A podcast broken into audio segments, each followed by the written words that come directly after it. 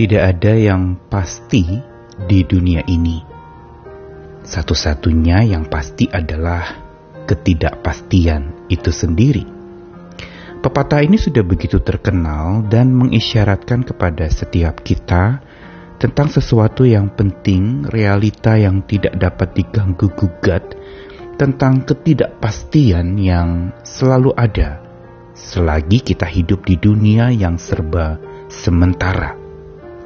Dan karena segalanya serba tidak pasti, itu tidak dapat disandari, tidak dapat dijadikan andalan hidup kita, karena serba tidak pasti. Namun satu-satunya yang pasti dan di sinilah iman berbicara, yaitu bahwa Tuhan berdaulat atas segalanya. Dialah penentu, dialah yang paling dapat memastikan tentang hidup kita. Karena dia yang menciptakan hidup, dia sendiri adalah hidup. Dan dia juga yang menciptakan hidup kita. Sehingga hanya kepadanya lah yang maha pasti itu kita dapat bersandar. Untuk itu kita perlu di dalam kondisi ketidakpastian, maka kita perlu hidup berhati-hati. Kehati-hatian di dalam ketidakpastian. Saya Nikolas Kurniawan kembali menemani di dalam Sabda Tuhan. Hari ini dari Yakobus pasal 4 ayat 13 sampai 16 saya bacakan dari Alkitab versi Indonesian Literal Translation. Sekarang dengarlah mereka yang mengatakan hari ini dan besok kami akan berangkat menuju kota itu dan kami akan tinggal setahun di sana dan kami akan berdagang dan kami akan menghasilkan keuntungan. Siapa pun tidak ada yang tahu tentang hari esok karena apakah sebenarnya kehidupanmu? Sebab ia seperti kabut yang untuk sementara waktu kelihatan dan kemudian sirna.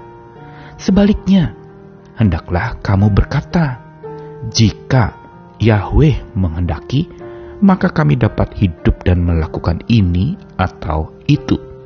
Namun sekarang kamu bangga dalam keangkuhanmu, padahal semua kebanggaan semacam itu adalah jahat. Yakobus adalah sebuah surat di dalam perjanjian baru yang mengajarkan kepada setiap orang percaya tentang iman yang nyata di dalam sebuah realita hidup. Iman yang bukan sekedar menjadi dogma atau doktrin ajaran belaka dari mimbar atau rumah-rumah ibadah yang dipegang teguh oleh berbagai macam para petinggi-petinggi gereja, tetapi iman yang mendarat, iman yang membumi, dan sangat praktis dalam kehidupan sehari-hari. Dan Yakobus pasal 4 ayat 13 sampai 16 ini berbicara tentang satu hal yang sangat sederhana mengenai orang merencanakan ini itu di dalam menjalankan kehidupan. Mereka digambarkan seolah hari ini dan besok akan berangkat menuju satu kota, lalu tinggal setahun di sana, berdagang dan menghasilkan untung. Seolah ini menjadi semacam siklus atau semacam satu proses di mana orang berangkat, lalu kemudian tinggal, lalu berdagang, dan untung. Jangan lupa penerima surat Yakobus memang banyak pedagang-pedagang yang biasa bekerja demi untuk mendapatkan untung. Tapi apa yang dituliskan oleh Yakobus mau beritahu kepada kita tentang pola pikir keimanan atau pola pikir imani yang bukan sekedar berangkat menuju satu kota, tinggal di sana, berdagang dan dapat untung. Tetapi ada satu yang harusnya iman kita miliki.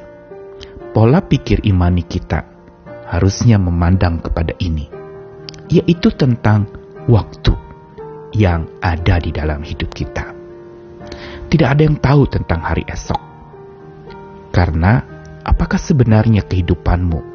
Kitab suci katakan tadi demikian. Tidak ada yang bisa mengerti kapan berakhirnya hidupnya, kita juga tidak tahu hari esok yang mungkin ada kejutan-kejutan yang kita tidak duga. Hari ini bisa kita sukses berhasil, besok gagal total dan bangkrut habis-habisan. Atau sebaliknya hari ini kita bangkrut dan tiba-tiba besok kita mendapatkan satu kejutan rejeki berlimpah yang kita tidak duga-duga itu terjadi dan datang menghampiri kita. Serba tidak pasti. Kita mau merencanakan ini itu, tetapi kita harus menyerah kepada waktu. Dan yang pasti kita harus berserah kepada Sang Maha Daulat, yaitu Tuhan kita. Dialah yang mampu menentukan dan memastikan akan hari esok kita, karena dialah yang paling pasti. Dia pemegang hari esok. Karena itu, untuk menyongsong hari esok, kita harus berjalan dengan Dia yang memegang hari esok kita. Karena digambarkan, hidup kita itu seperti kabut yang sementara ada, lalu kemudian sirna. Itulah yang tadi saya katakan bahwa serba tidak pasti. Kabut itu tidak selamanya ada Pagi-pagi ada, lalu habis itu matahari terik bersinar dan mengusir kabut itu. Dan itulah sebenarnya hidup kita. Tetapi Yakobus tidak berhenti sampai di sana memberitahu fakta bahwa tentang hari esok yang kita tidak tahu dan serba tidak pasti. Tapi dia memberikan kepada kita tips.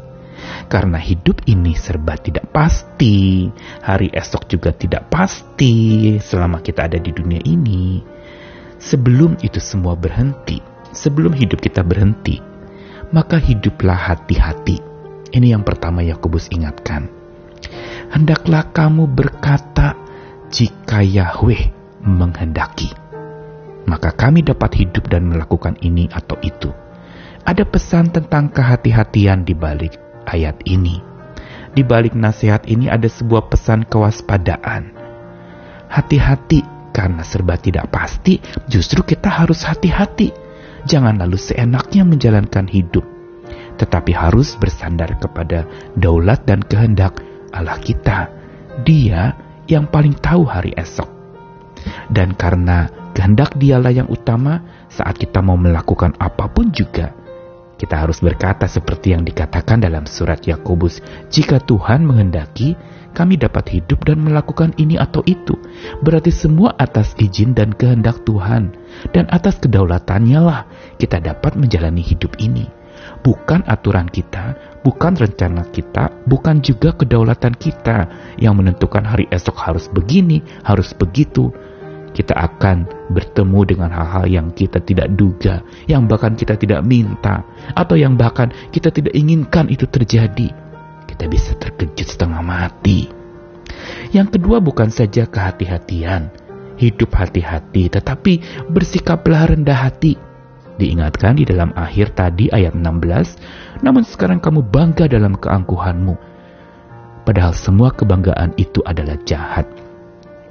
Yakobus ingin mengingatkan bahwa jangan angkuh seolah-olah esok itu milik kita. Jangan angkuh dengan mengatakan bahwa kita tahu besok apa yang terjadi. Tidak, jangan pernah angkuh. Kita perlu rendah hati. Ini yang kedua. Dan yang ketiga, bagaimana supaya kita bisa menghadapi ketidakpastian yang ada. Bukan saja hidup hati-hati, bersikap rendah hati, tapi layanilah sepenuh hati.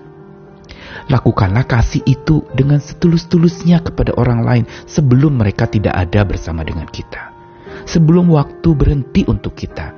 Lakukanlah, layanilah dengan sepenuh hati, dan yang terakhir, tetaplah hidup sehati dengan Tuhan Sang Pencipta dan Pengatur waktu, juga dengan sesama kita yang ada di sekitar dan sekeliling kita, keluarga kita, rekan kerja, atau siapa pun dia.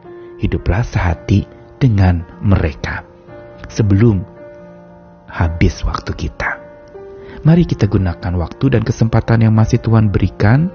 Kita perlu berhati-hati di dalam kondisi yang serba tidak pasti. Tuhan mengasihi kita, hatinya selalu terarah kepada kita karena Dia mengasihi kita sepenuh hati. Amin.